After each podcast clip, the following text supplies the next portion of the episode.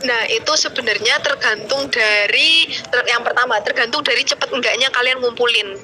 Yang kedua adalah ya kalian coba tanya-tanya aja kira-kira anak-anak ASDEP itu milih siapa dan kalian coba cari tahu kuota-kuota dari setiap dosen pembimbing dosen pembimbing. Karena setauku dosen pembimbing itu nggak akan membimbing mahasiswa lebih dari 10 orang. Itu udah nggak mungkin banget. Bahkan ada kok dosen pembimbing yang cuma milih dua anak bimbingan itu juga ada kayak gitu. Jadi kayak ya sebenarnya siapa dos uh, kalian dapat dosbing siapa itu cuman cuman kampus dan juga Tuhan yang tahu tentang kalian dapat jatah siapa kayak gitu. Jadi uh, kalian coba cari tahu deh atau mungkin anak SDF kan nggak mungkin kan semuanya mau si A semuanya mau si B itu kan juga nggak mungkin kayak gitu. Karena si A juga pasti punya kapasitas si B juga pasti punya kapasitas kayak gitu. Yang penting adalah menurutku ngerjain skripsi itu jangan males.